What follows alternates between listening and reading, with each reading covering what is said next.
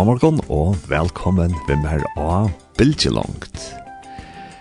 Til sånn at at tar vi tæva høyla andre i jokken, så kunne vi være bilkje langt vi god, og tar vi som anstaklingar er ja bilkje langt vi god, så er vi døysnia bilkje langt vi kvann annan. Så kom over mer, kom over vimmer her og bilkje langt i morgen.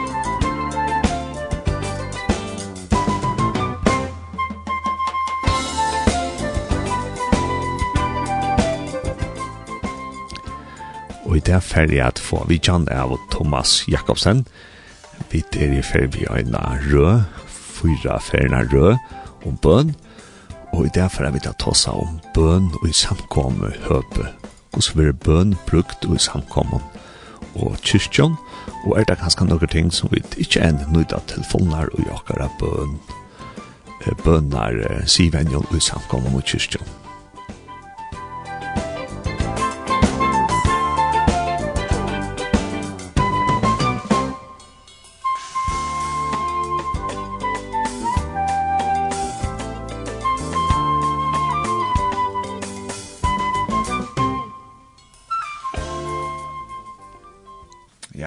sagt, så sender vi et live på Facebook nå. Så hvis du kan skal erst tatt vi Facebook, så kan du få inn og sutja og enda fra en og nutja vinkle. Ja, ja. Og ja, og hvis du kan skal sitte av Facebook nå, så kan du døyla eh, til video som er sendt ut her, og så vil det gjøre at andre sutja og høyre og isne til samtalen. Og god morgen, Thomas. God morgen. Var det ikke til å finne parkeringsplass morgen? Ja, jeg synes det. Men jeg fann ikke her oppe. Ja, ja. Tvart og i bare, så tar man over oss. Yes. Mitt i byen og i havn, så det er ikke alltid man finner parkeringsplass. Nei, nei. Men her oppe er glasset ikke der i her. Her var det. Ja. Til Thomas, og du har jo valgt det til leie God, I look, look to you. To yes, you. Ja, ja. Skal du fortelle sin rom til leie? Altså, vi, Uh, men damer så väl, vi brukade ofta, av bönamöten här, då brukt ofta det så proklamationen Halleluja, our God reigns. Och i allt en sån proklamation som man kan bruka, att alltså god vi vita, god räver, men så kunna tala det ut i jökna munnen och bönar och låsangen och kunna tala det i samfället, tala det ut i mina familjer, tala det ut i samkomna, tala det i mitt liv. Halleluja, Our God reigns over me, over my house, and så er, så är det. Så, så vi var alltid han och sambarvis ner at ta som bøn og samkomne og ja. Ja, og det tälner vi for at ta som det här til ja. bøn og i samkomne. Ja. Og jeg kan lika si at det heter åker at tria hämting og i sig røyne, og vi tar av vår tåsa om hvordan bøn verer omtala i pulsene, det var den første sendingen, ja.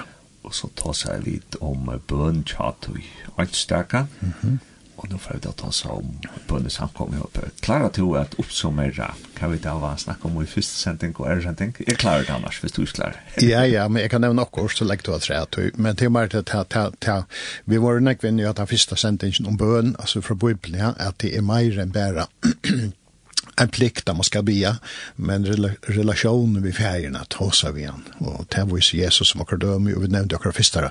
För akkurat fistare var äldre, och vi årsdagar är någon som samtalar vi färgerna.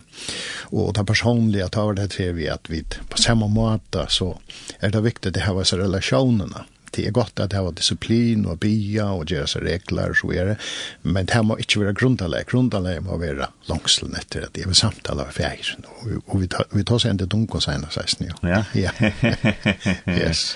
Så bortstående tar hørt det der, og tar som ikke har hørt det, tar kan det ferinne Facebook, eller YouTube, eller ja. um, eh, podvars på høyre til. Ja, å oh, ja. -hmm. Og så, ja, så er vi kommet til bøn og i samkommende. Hva heter Hoa Birger her?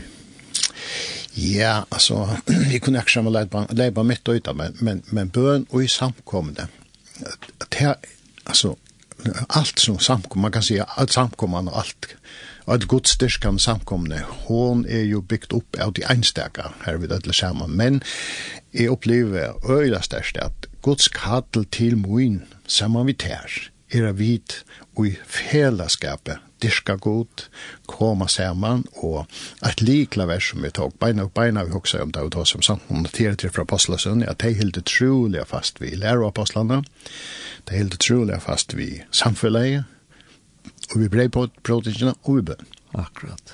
Og jeg halte det, til var helt fra fyrsten, det skriver de om det fyrste samkomna, og det gengs øyla tøyla fram tant felaskap de høtte, Og i okkar moderne tøy er ofta tant felaskaperen viknar nok snegv, Och ta, hvis, hvis man ska ha fällskap så nöjs då att, eh, vad ska man säga, bygga upp en eh, sociala fällskap, att hona där, nekva kaffe, nek kaffe, nekva loka grädla, whatever. Ja. Men, och, och det är förkärst då i släck till men det viktigaste är fällskapen och i hela i andan.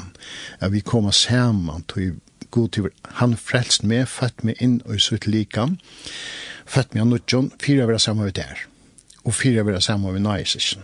Tog han atlar at vi skulle vera hans her lika med Jørgen. Akkurat. Ja. Og som du sier her, han er jo det viktig, Thomas, det er at i fellesskap har uh, gått kattlakken til at være kristen og til å være syster og brødre, at, at kanskje togjen i det er øyne individet, ja. at det er individet som er akkurat som ja, kort fram kan man säga och och när kvar religiositet religiositet i det vi i new age och buddhisme ja. och mm. så lite att det mindfulness och sånt där till och att att det han utstäge som ska sättas ju fri. Ja. ja.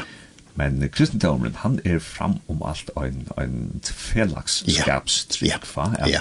Att det där kan man ut Ja. Och i fällskapen man faktiskt är där kopnitionen i mitten ta ønstaka at her og i min gjernsdag kan møte god som vi tar seg om sørst, ja. men så ønsker jeg vidt, vi uh, skulle møtes og fjellet hvis vi er kristne. Ja. ja. Ja, det er det, og uh, Paulus nevner nøkkerstø om at vi er i Kristi likama, og vi skal nevne et entrant skriftsteg i 1. Korint kapittel 12, da tåsar Paulus om nøygavner, i at det skulle være avvidande om en andel gaver, og så underviser han at vi nå dette, Og her stender eit løyte vers, at han han tåsar om nægavnar, og at vi tar et bruk for knøren, og ikke kan si at ja, jeg, jeg har ikke bruk for det her. Altså, hånden kan skje vi foten, jeg har ikke bruk for det her, og så videre. Men vi må ødel, vi tar bruk for knøren. Så sier han et løyte vers, han sier, du tar ein limer løyer, så løyer at lika. Og det er jo heilig andans limer han tåsar om. Han tåsar om nøye gaver av liv og i heile andan, og hvis vi er ikke virke og i heile andan, så lyr at lika med avtøy.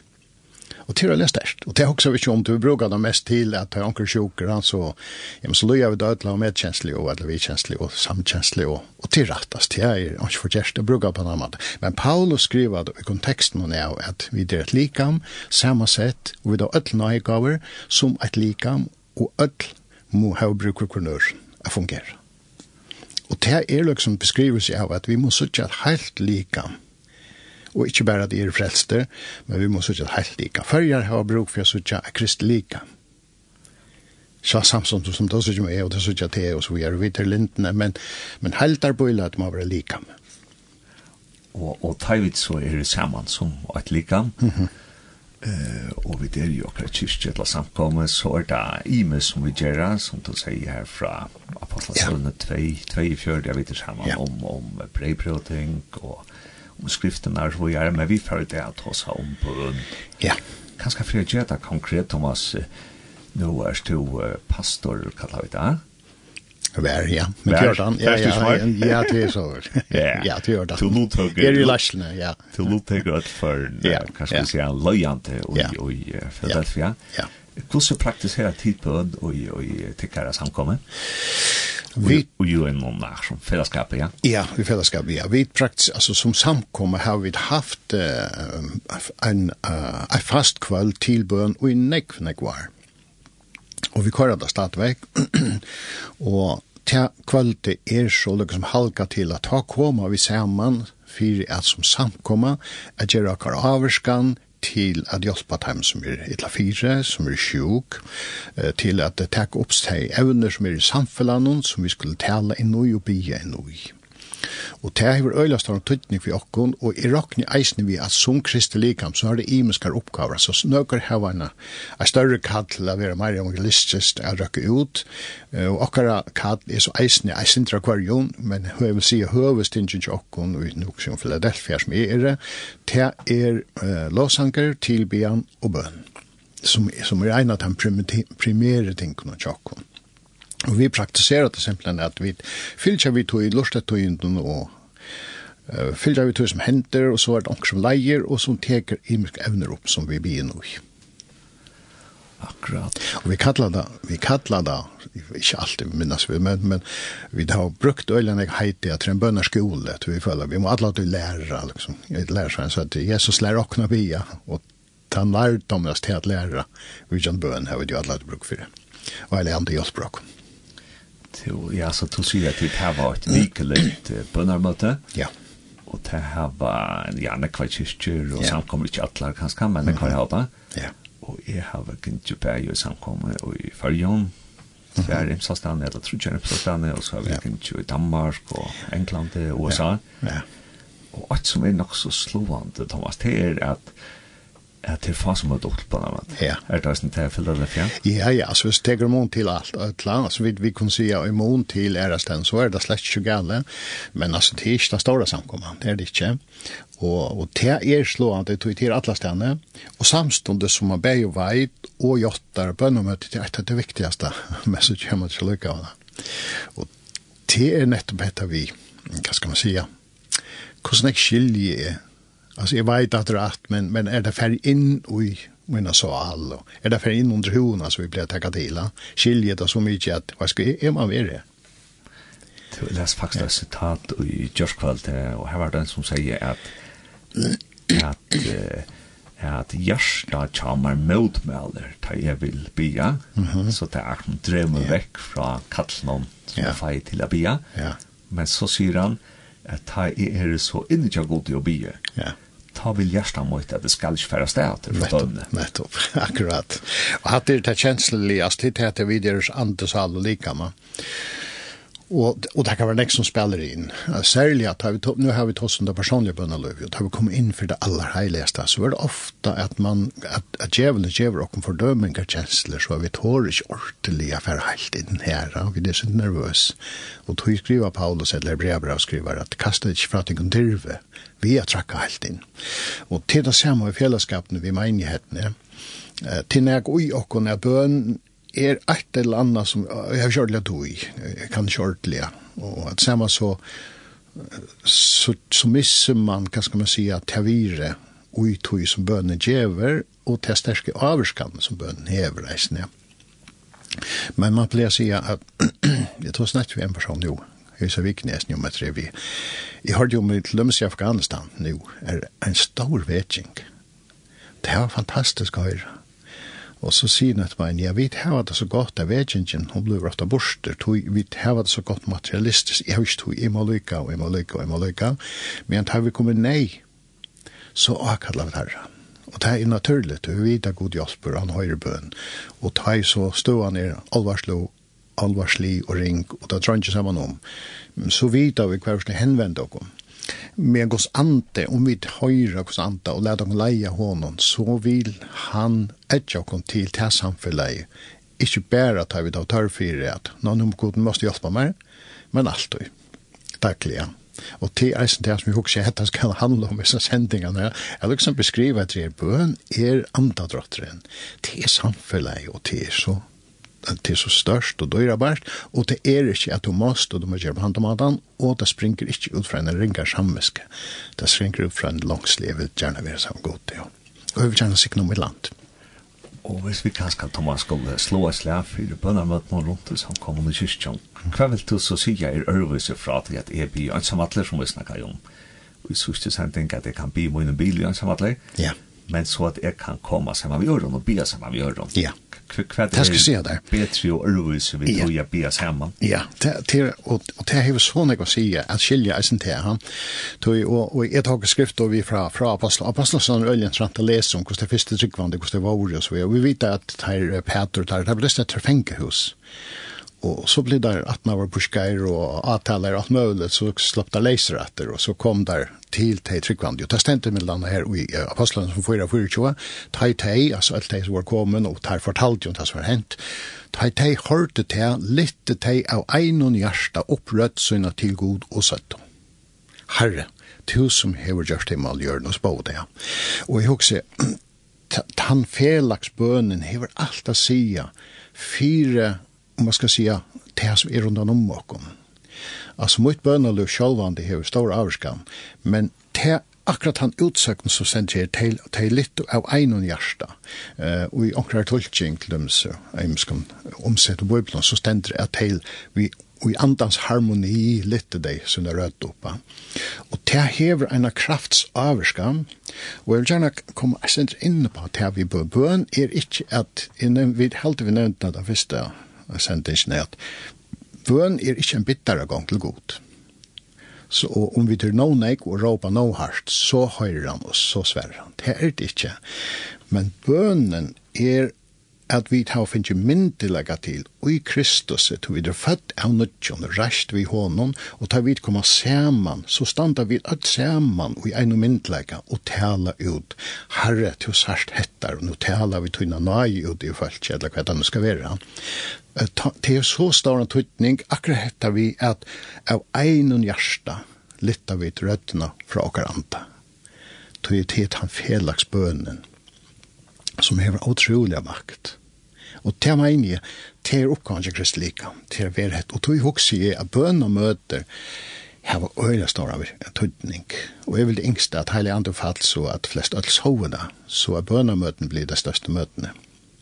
Og typisk eisen ta i ta er det som er kallet for veging, og man kan sutja veging på forskjellige måter, som er fyrst til veging, tar i husene fotla folk som blir frelst, og det kan være til veging sjående, men til eisen av veging, ta er folk kjenner reisast og begynner for bønnemøter, til veging, du tar vakna vidt. Thomas, vi ser kanskje at det er ikke som du sier, vi at det er bare vi øynene hjärsta og øyne andre, at øyne reklama for å komme til bønnermøtet, det er kanskje at som mennesker så kommer vi til å føle oss kanskje sin til ånd som vi gjør noen dagen. Ja. Og det kan godt være at vi kanskje har vært et kjønnefelle og vi har vært godt arbeidsplass, men allikevel så kommer vi mennesker føle oss om ånd som Og det er som til å si vi kommer sammen og i bøna, at ja. det får vi et økt hjerte. Ja. Og ikke bare vi kvann annan, men vi godtar ne? Mm -hmm. Så at alle klammer for å komme til uh, bønnermøtet til er at at tuin einsama sal som røykar rundt i Gjerenstenan, hon er møllega fyrir knapplega a bliva connectaver, ein jubin av vi, yeah. onur kristen og god. Ja. Yeah. Og her er nok snakka tror vi og, og um, til døms eit er eisen tar vi kommer sammen til bøn, så handlar det ikke bare om å ha fem bønner, når nå er vi eit, nå er vi tvei, nå er vi troi. Jeg halter øyla viktig at komme sammen av ein hjärsta, først og fremst å tilbya lovprysa, og så å bruka okra myndlega og tar bønner som vi har teller ut.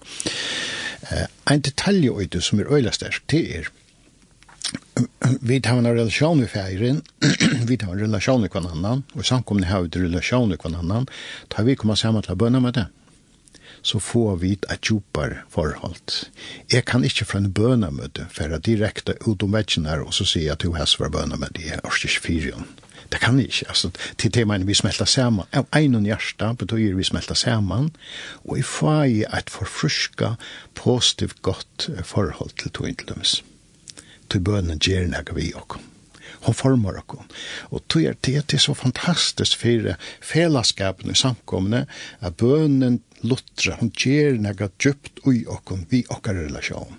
Og det er mitt landa eisne ein stor tutning av å komme samt til hilde trolig fast vi bønnen er.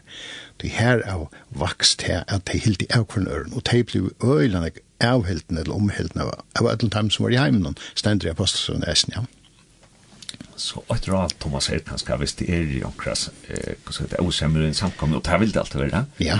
Jag så det mötas till bön. Yes. Så tar väl jag og samlinnar jag okkom, ta vilja sin sinne borster. Ja, du ta gjer gav vi med, ja. ta gav naga etter vi i andans harmoni samfälla samfella, så mest jag knappt att det är inte så viktigt om jag får rätt. Och hin parser mest det isen det handlar om god, det handlar om god strykje, det handlar om något som större än det som är alltid i min og, og ta brøyter okkon, så vi blir nekmar eimjok, og vi finner nekmar sjema. Til Thomas, og to, to, to hever haft ståran av og fyrir bøn, og rødt nek vi bøn. Ja. Vi tog kanskje imsa matar som man kan halta sart bønner møte på.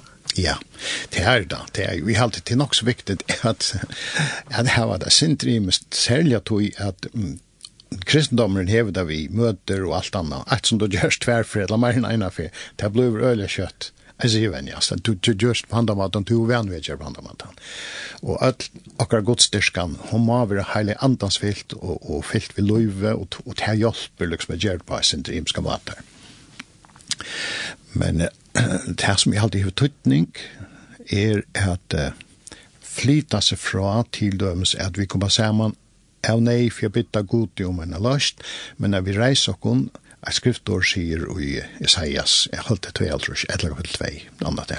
Man sier, reis det, set det, sete tøyt, let det, og ha tøy er klatning tøyn, ristus det av der, slutt bonden det av der, og det er ikke til Israel, men det er eisen til okkon, at vi reis okkon til han, vi giver okkon utvelging til å være hansara folk. Og det er kattlet til å bia, tina gav vi bevurstheden om at vi vekser inn, at vi inn og heter at grunnet til er her i bøen, saman vi atlan heila, og jeg tror jeg vid er hansar utvalda folk til å være sikna, til å tale ut gøske, og så videre, så videre. Ja, jeg tenkte litt mer praktisk, Thomas, altså, ja. da er det i mye mater som du kan fyrskipa bøn av bønarmøten? Ja, altså, nu, ja, det praktiske er det til jo til at man kan ha forskjellige stoiler, du kan bya, Vi brukar ofta tannstøylen at vi tar mikrofon fremst, og så kommer folk og lottega komma fram, Och til en sånn, man ska vänja sig vid där för framtagen med fån och bia men til, til är deilt att vänja sig det. Så är det praktiskt så är det andra praktisk form til att man tenker på så nästa deil man det bølger, och så tenker häst och bulkar hattar även det på att man kan så av flere ting. Och Og så er det at vi blir, ja, Peter och Pio jeg blir takket till koreanska bønner, at vi blir åt ländan og hun tenker av et evne, og nå blir jeg bare ødelig antan. det blir jo sendt. Og det blir jo sendt, ja. Og det blir jo sendt her. Ja. Og det er så, det er forskjellige måter du kan gjøre det på, og det er så bare, hva skal man si, det er fantasier som, som sitter grensen her. Ja, så det er, og jeg har alltid det er nok så godt at simpelthen for ens egne skilt at friska sin dropp ut av og gjør sin drøves, jo.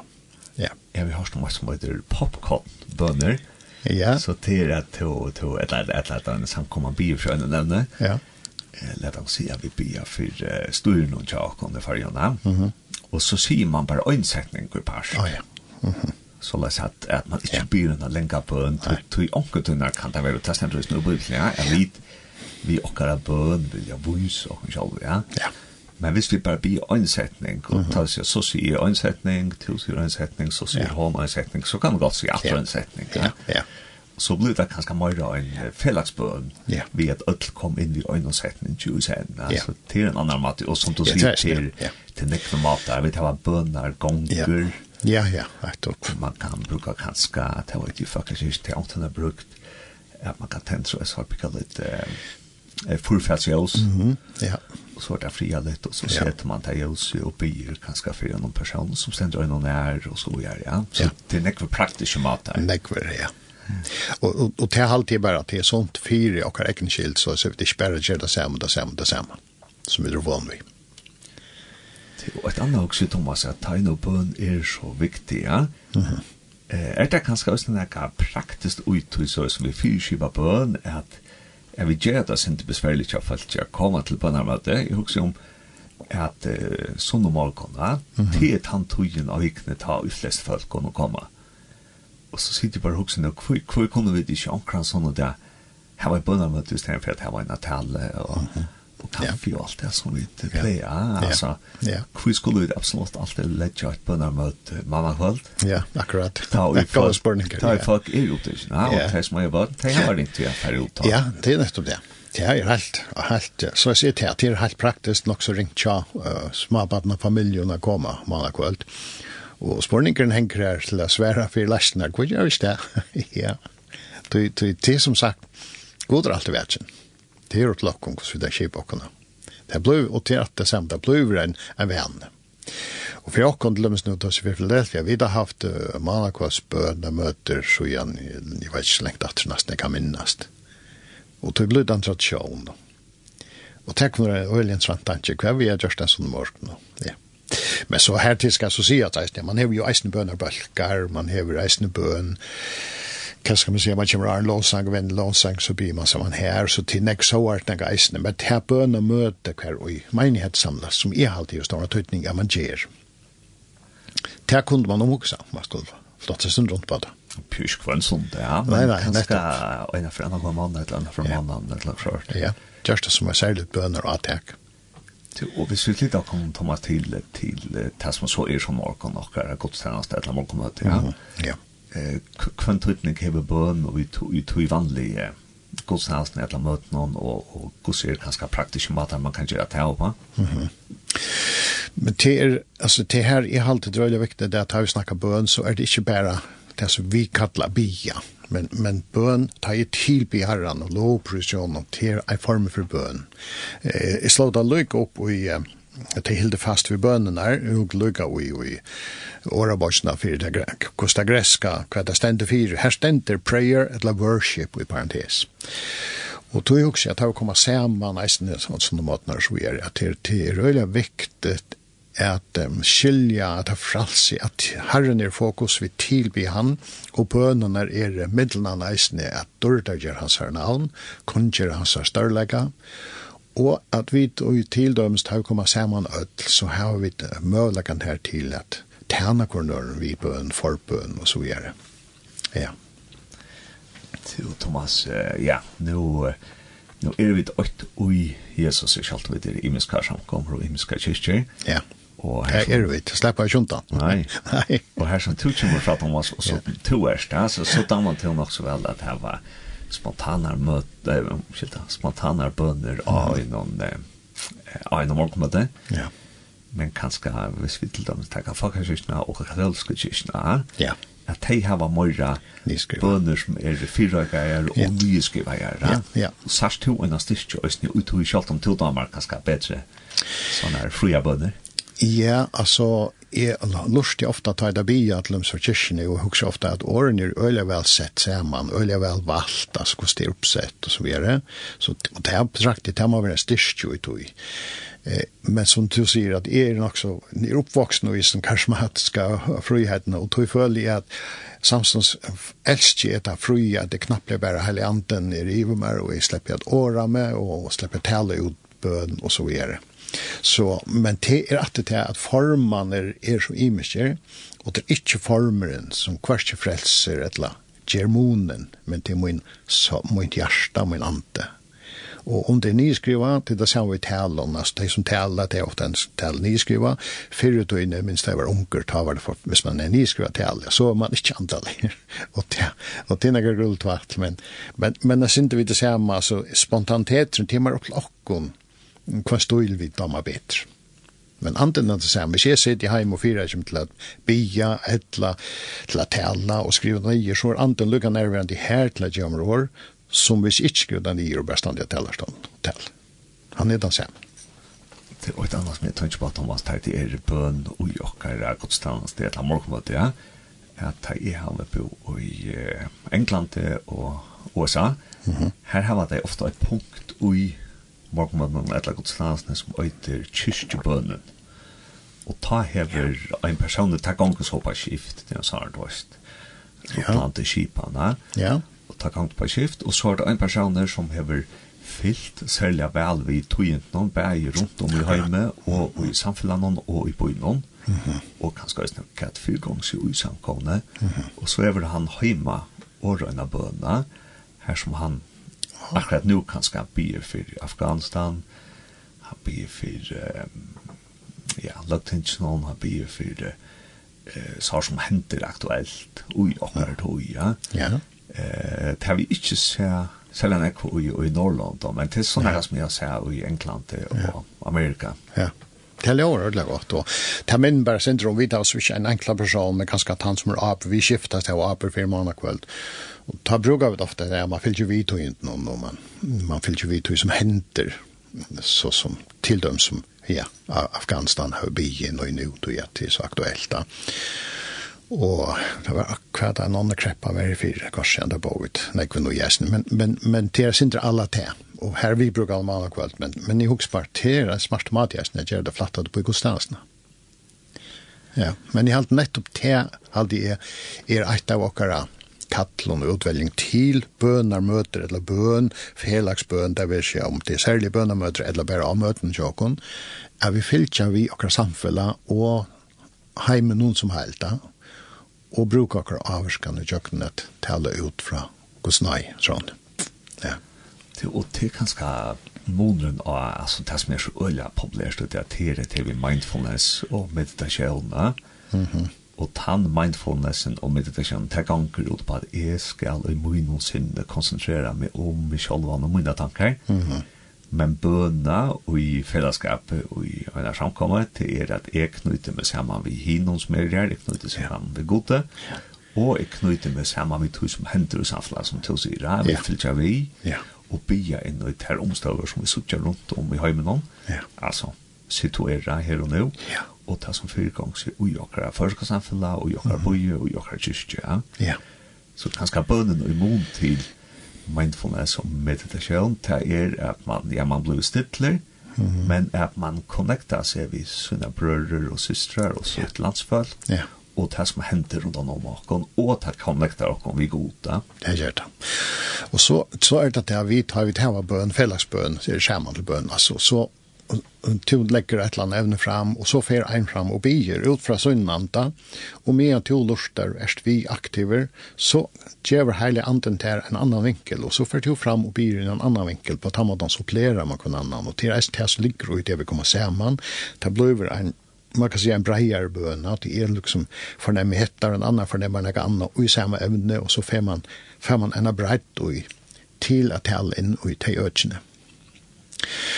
Og det er mest at jeg, da jeg nevner det, så, så, så, så nevner jeg også at vi taler inn i økene. Jeg har brukt nok snakk vi undervisning til at godsfolk, jeg, jeg mener at godsfolk fornegv, eh ser god fyr ser som ein som sitter vid remote kontrolleren og om vi er no sterke bønne så avvirker vi det handla han trusser av høyre knapp eller stopp-knappen eller play-knappen og det er jo det er ikke så leis men til til likken jeg har kjøpt i god til alt valg han gjør alt men god til utdelger at lokko og vi er alltid så viktig i bønerløy at skilja til kattle at god til utdelger til åkken som samkomma han sier tale tid. Han sier vi at han må eva nørest tale og, og, og gjøre det ikke lærere vi gjør det. Og, og i Heson og i Kristus og i alle eimjøkleik og i alle dårdene som han har givet oss i frelsene og i hele andan er vi valgt ut til eisene ikke bare bia god gjøre det for oss men han blir oss tale det ut og sier at så skal det være. Han sier vi lærersveinene ta i alla oss vi av der vakt igjen. Altså, helt ærlig, hvor forstyrer det med hvor jeg det skjedd hvordan vi gjør, det og så sier han vi stilt han tränar där. Och, och det här är för vi må komma in i en sån bönarskola. Vi tränar och mer till att göra akkurat som han visste också så vi skulle göra. Vi tränar träning. Akkurat Thomas. Ja. Jag får att göra en liten paus så du kan få dig vatten eller kaffe i Ja. Så får jag göra en kronning med igen till akkurat lustar här. Och det första jag får si er at tid som är ja, Facebook Live, nu ska jeg litt på det jeg kom her, at tid er velkommen at uh, senda en avimerking inn, et eller annet spurning, og tid kan kanskje avimerskja om tid og tikka samkommet, eller tikka kyrkje, her var ankra særlig um, særlig mata bio på, enten til godstandasne, eller morgenmøte, eller til et bønnermøte som til å ha fast vikliga.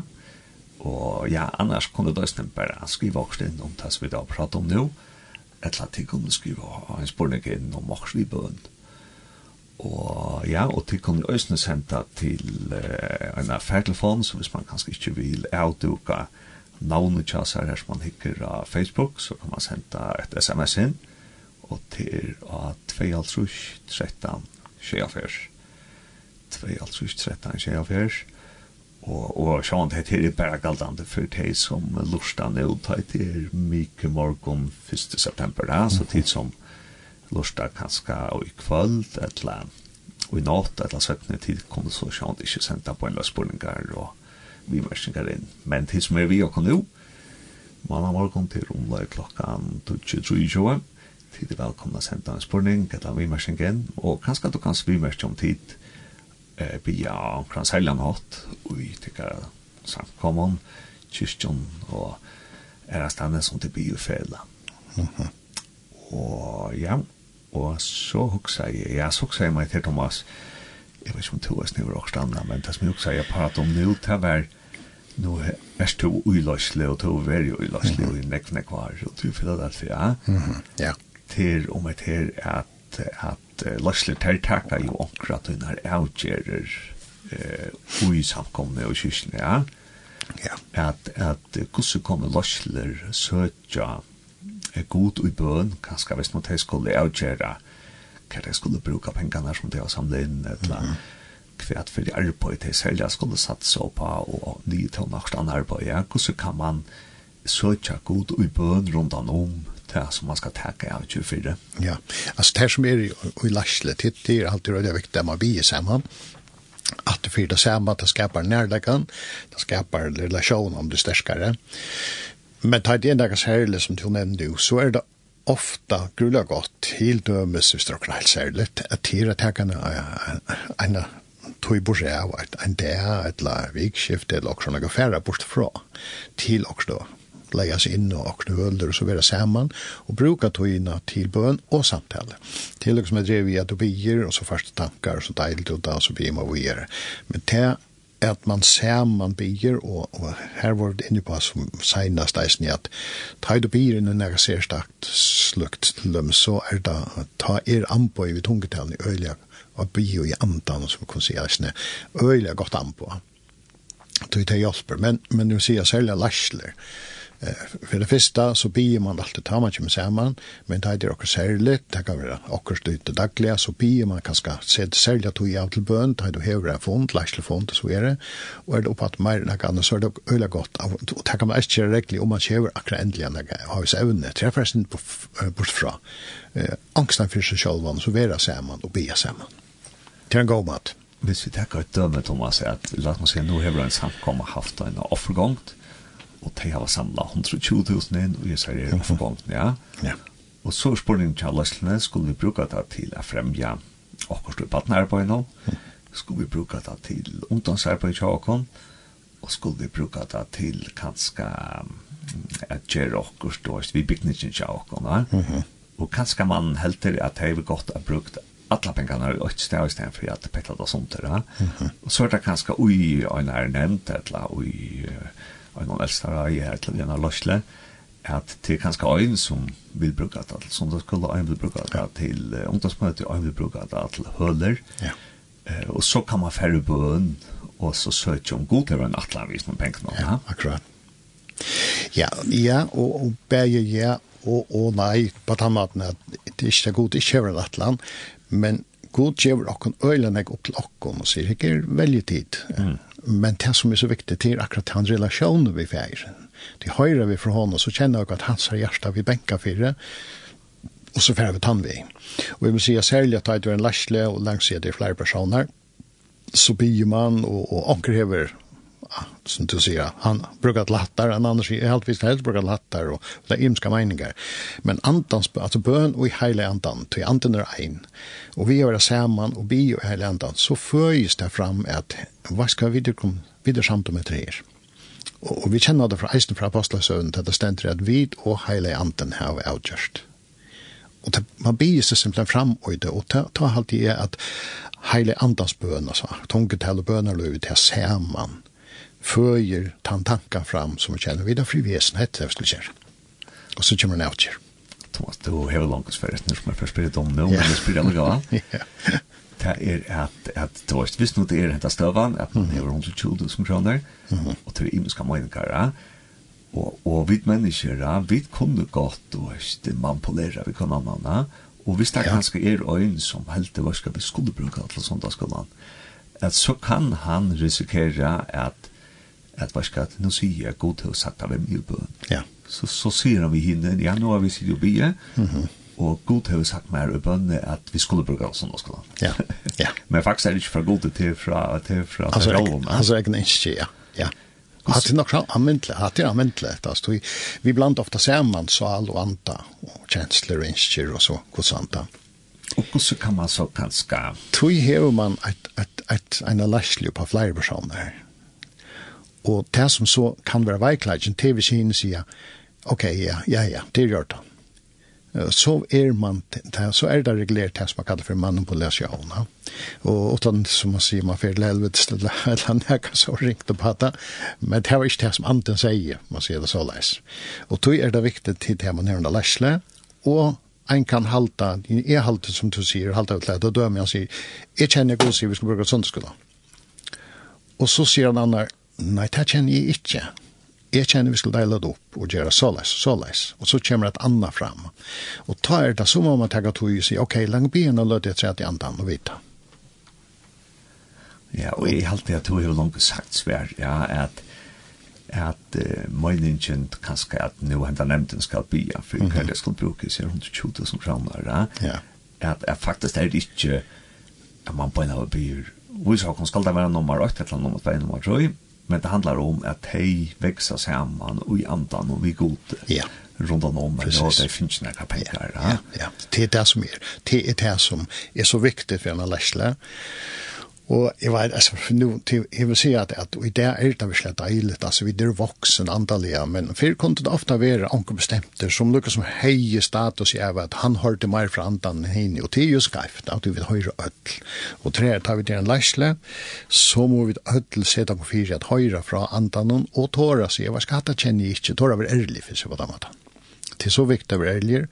Och det tårar vi ofte ytla, att vi gör noen til han som tar seg här, og sier at ok, men, men det är ikke rett, da leier man inte gott nok.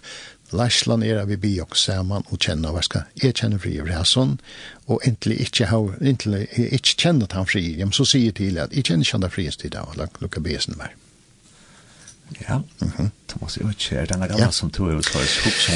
Ja, nej, jag bara hos om at Um, tve ting, nu nämnde jag det här vi at vi nämnde det här vi at vi talar ut. Jag også tar vi bia, så det är viktigt på hatt och sina gå i første brev noen kapitel 2, og nå ikke vi kjenner att det ölja vel, men jeg også också jeg hos om och själva tar vi bia, jeg vet ikke litt jeg liksom av knövnen og bytta, og, og tisch tog at ikke, vi ikke skulle være knøyen, men i Hoksberg, vi må hoksa rett om okken sjølve og i frelsen er vi oppreist, og han sier tid er det utvalgt at kongelige prestaskaper, heil og tjå, oknar folk, for at de skulle kundgjøre dikter hans her. Og det er det som vi er kattlet til, særlig som et likam, som, som samla samkomma, at vi kundgjøre dikter dikter hans her, gøska hans som kommer fra hånden, og hvordan han vil vasikna akkurat samfunnet, han vil vasikna akkurat samfunnet hvis de som er ytla fire, at de får det petre, at det er plass til ødel, og så videre, så videre. Men, men vi må gjøre det ut fra at vi vil vite at han har kattelagt til å gjøre dette, og vi er gods okna folk, kongelige prestaskaper, det er også bare kongelige prestaskaper, til å gjøre prestatjenest, ja, for feltsene. Og det som så också jag tror att det tillväxt med tunn man vil vi inne og jeg husker om vittnesbörden som vi det er jo rett og rätt Og kvar. og så selv om själva tojer vi blir ofta tagget til at jeg betyder du again og skulle gjøre det ene for tre, överträtt han gjør det. Och vi som er eldre, vi minns väl väl tillstånd när i först og i fem og dette at det var ordentlig kreppa i landet nå. Og ta minnes vi som var ikke så gammelt da som vi er nå, men vi minnes hvordan vi på og vi visste en par av kreppene var at det var ikke fiskere å få. Og jeg minnes hvordan vi på helt konkret, innenfor etter samkommen, god sendt okkom fisk, send okkom fisk til nattra. Og eh, det kom ju begynt knappt jag kommer rötter ut fra. men det var så fantastiskt å oppleve hur god knappt jeg sendte fisk och vi sier god till vi visste kom från någon. En kanadier skriva i ett skriver i Däplan og så var tilltaget. En kanadier fiskefränker säger att jag skiljer inte att heimrisk kommer till färgare kan detta vi fisk någon. Det heter jeg kan ikke forklare Hver kom hese fiskaren fra.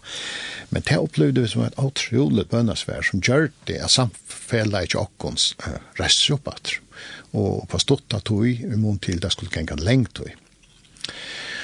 Og en annan vitspor var, i nevnta nu kors henne, og det er det, en annan vitsbor var akkurat bror som var øyla i Eurera Bia, så er det han Thomas Kjolvi Kipa. Og han tjekk øyla inn var han fyllt øyla vel vi. og så sier han en av vi okkur at, tid, jeg hørte at vateren til Eila Jakobsen, altså han har lov til å fiske så snakk og silt, men silten knapple ferne genga så kjøtt mot norska, norska øyla, så at hvis det genga på hendamaten, så får vi ikke fiska til som okkur er tillåta. Og så lenge det fram, og minns vi hoppa, vi behove jo, vi tala etter her at silten skulle steggas, og at føringene finke løyve til å fiska til som vi død løyve til å fiska. Og da gikk en tog, Han gjorde seg han om meg, enn han lenger til etter han ringte til Eile Jakobsen, ta, og spurte han om hese siltene. Og Eile forklarer henne, han sier, du, ja, det har hendt noe egen merslet, hun var fer, uh, vi inn i norska kjekk, og knapple stekka henne. Og vi fiskar i alle okkar gåte, og så får Og det liksom, amen. og jeg nevnte bare som vittnesbordet, altså, det er fantastisk at sitte og høyra trobleggar i tøynden, og så høyra bønnesvær i tøynden det är ju annars standant. til den dimensjonen som jo som samkommende kattler til at avverka så størst. Det er fantastisk. Akkurat hans, ja. Og ja. så får vi talenta og to var valgt å til, ja. Raise a hallelujah. Og så skulle jeg ja. si at det er til som er ja, Facebook og YouTube, at han har er tid er her bråd i av, og han sjanker kommer til når vi bruker retten til å ta vi senta i vinnetet. Så de kom bare for å løte han frem selv. Så han løte altså Raise a Hallelujah. Ja. Og til vi Battle Music, og til så live utgave som jeg har funnet frem. Skal du se et drunk ut og alt enda sangen? Ja, og til er at det er vi at, at sangren, at han som skriver han og som synger fire han forklarer nettopp at det stod i en troplegg av en runge som var sjuker, og han kjente liksom deg en stod benten i ansiktet og flente etter om du vet. det var en smal drunk som det var vi har misset, han var så og Og så var det liksom, det kom etter til, han fikk enda teksten, I raise a hallelujah. Han reste liksom, og måtes ned sier, jeg taler lov, jeg taler Guds nøye, og så er det. Og, og det gjør det, mitt land at så sang, dronken kom fire seg, han, han er av mynden da man ikke har YouTube. Men, men til liksom, her, yes, I raise a hallelujah og jeg reiser det over færre folk, og jeg reiser det i samkomløy i færgen, og uh, jeg kjenner at det sier og Golgata til okkara sier, og det er til okkara samfunnet. Så er vi arbeidsspillene, så hvis jeg kan være siktene okkara land, okkara folk, færger så var siktene i færre land, og vi testa fire alle bønene i færgen, Og i tæsta fyrir ter bønnar som er bytna rundt om alt okkar land, bægi privat, personligt, og ikkje minst vi alt som er bi og i samkomna her. Og så kundgjer i noaie tøyna at det skal komme en enda sterkare bønnar vedjeng, så at hus og samkommer okkar er fotlar av falkje som kommer saman til a bia og a tala tøyna noaie ut, vi da fæta båskapen, vi da fæta tøyna utveljing, vi da fæta tøyna kall, og vi da fæta tøyna kærleika. Jeg var sikne alt okkar færja falk og Jesu navn. Amen har hendt oss. Og vi fann jo at høyre til deg som heter Raise ah, Halleluja. og ja, og om en vike, mykdagen om en vike, ta fra vi så at ta seg om om at vi antallet igjen vokster, og ta man jo bæge for meg personlig, altså til at halkast og Jesus er høyla kjørast, men så øyne at vi som samkommer eh, vekser og, og kvann bøn, kvann tutning bøn spelar i tøy.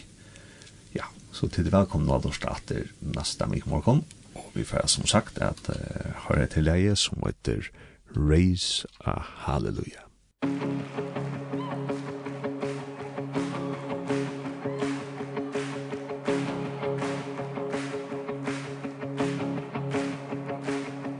I raise a hallelujah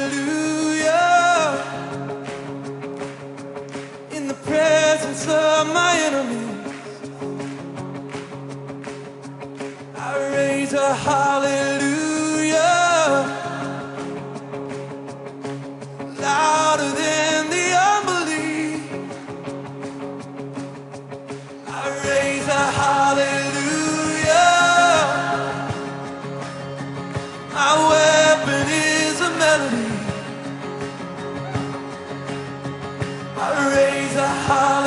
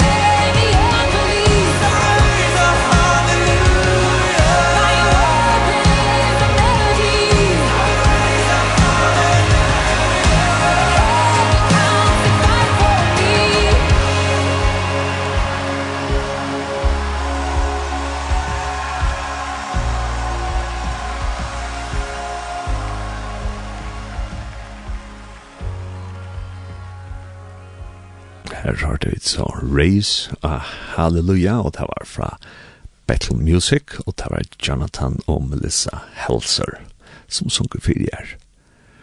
Det sannasta som er fyrir gjerra her og i avvelds langt i morgon er at er ferdig at bjena bønn.